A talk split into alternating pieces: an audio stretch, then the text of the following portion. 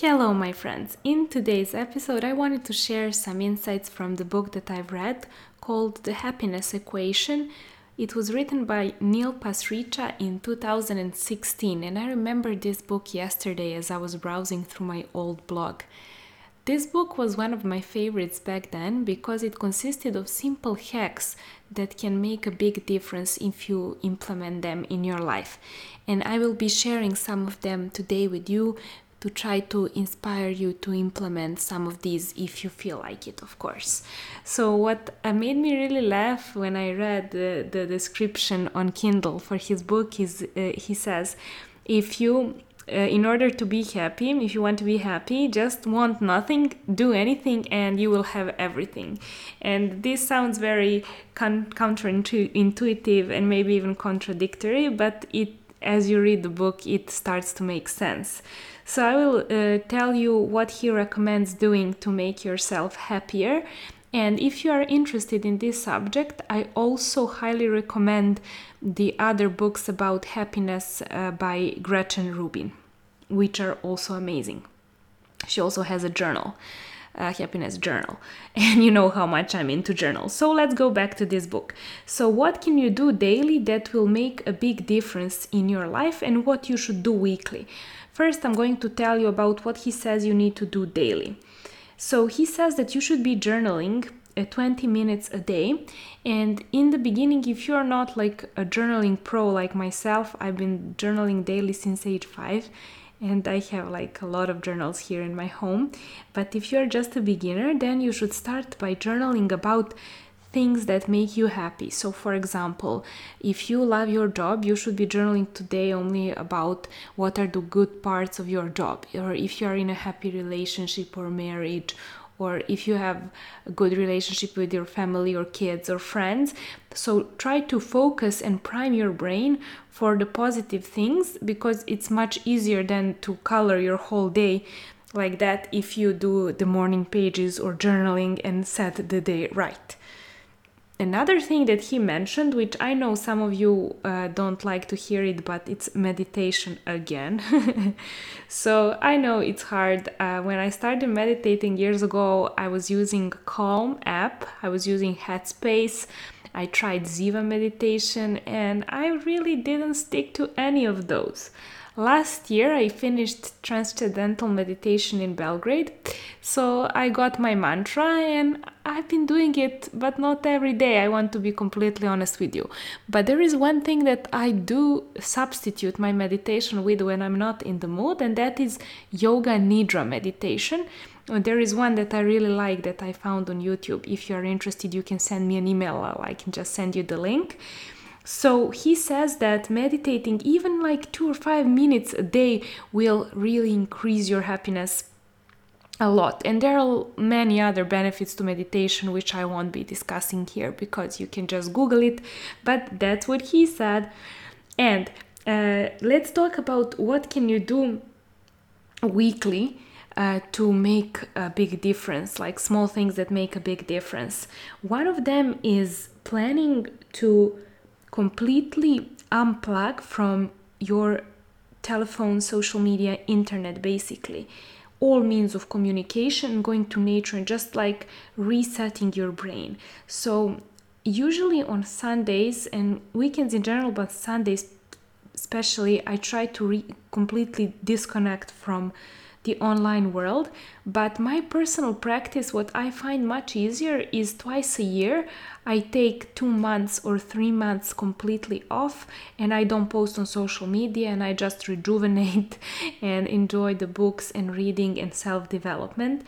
Uh, last time I did this was uh, in September. I went for a few months on Cyprus and before that i did the same thing with like london and new york i like to change locations and go for two or three months and just completely shift my mind and perspective and relax from the constant social media updating because i honestly don't enjoy that not a bit Another thing that he mentioned that can bring us a huge, huge impact on our happiness um, is going into the flow state. And this is a great uh, great, great state when you're so passionate about something and it feels like time doesn't even exist and you're not even hungry and you don't want to go pee, you don't want to go procrastinate or make a break because you're enjoying the task so much.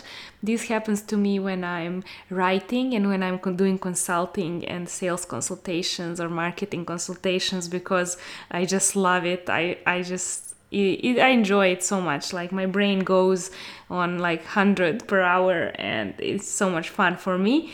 So that is when I'm into go into my flow state and time doesn't exist and I feel that my brain also regenerates then and it rejuvenates uh, because it's like on overdrive but it's enjoying it because I feel that it's just expanding and new insights are overflowing.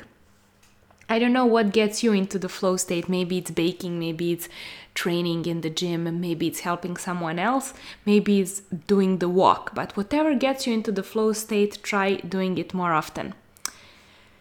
Another thing that can help you boost your happiness is doing three brisk 30 minute walks per week. And I know now during the quarantine, the quarantine time, due, due to COVID, we obviously cannot walk around. I, at least I don't walk around, especially not 30 minutes three times a week. Uh, but what he says is that when you walk three times a week uh, for 30 minutes without cell phone, it boosts your focus, energy, and it of course you, it's a really light and healthy cardio exercise as well.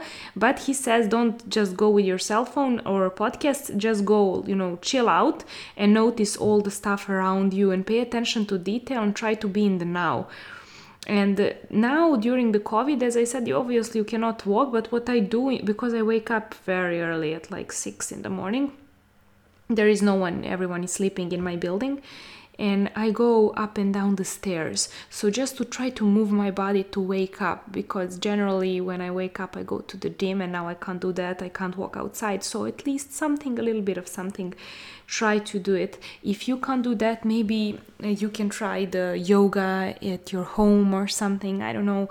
Like if you need ideas, shoot me an email because it's much easier when we do it together. you have accountability buddy.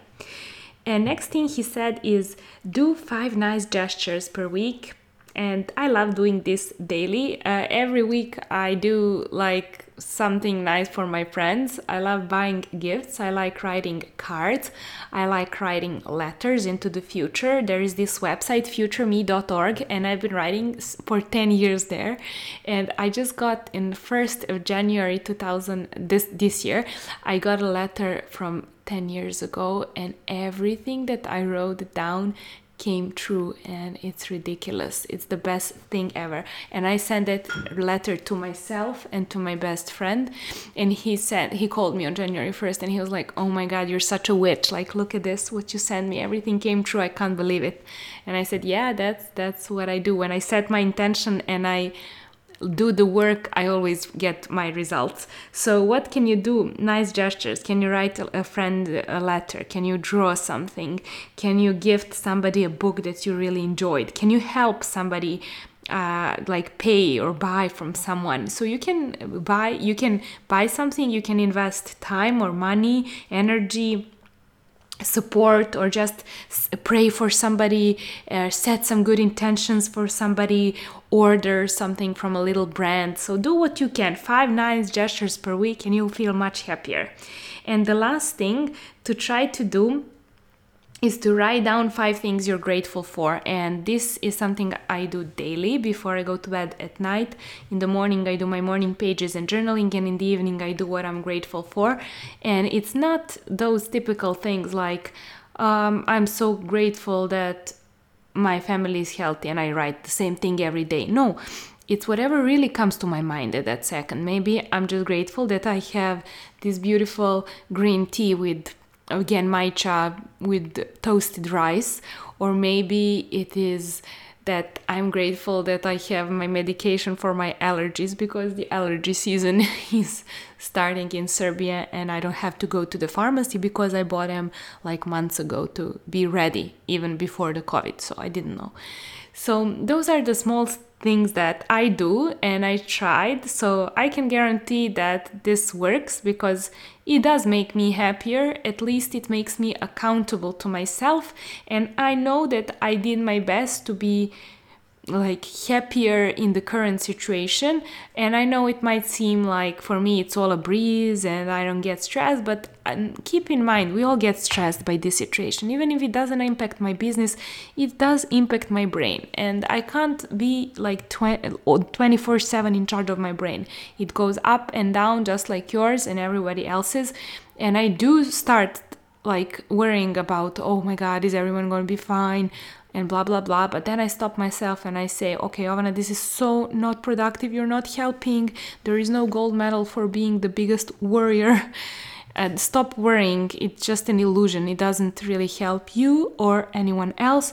And just go there do something nice. Write somebody a letter that saying that their work means the world to you uh, buy something if you can, order something, give somebody a free consultation. Last night I posted Instagram story and I said for 24 hours I will do free consultations, and a lot of ladies wrote uh, emails to me. So do what you can with what you have where you are. So if you can't help anyone else, help yourself. That is always an option.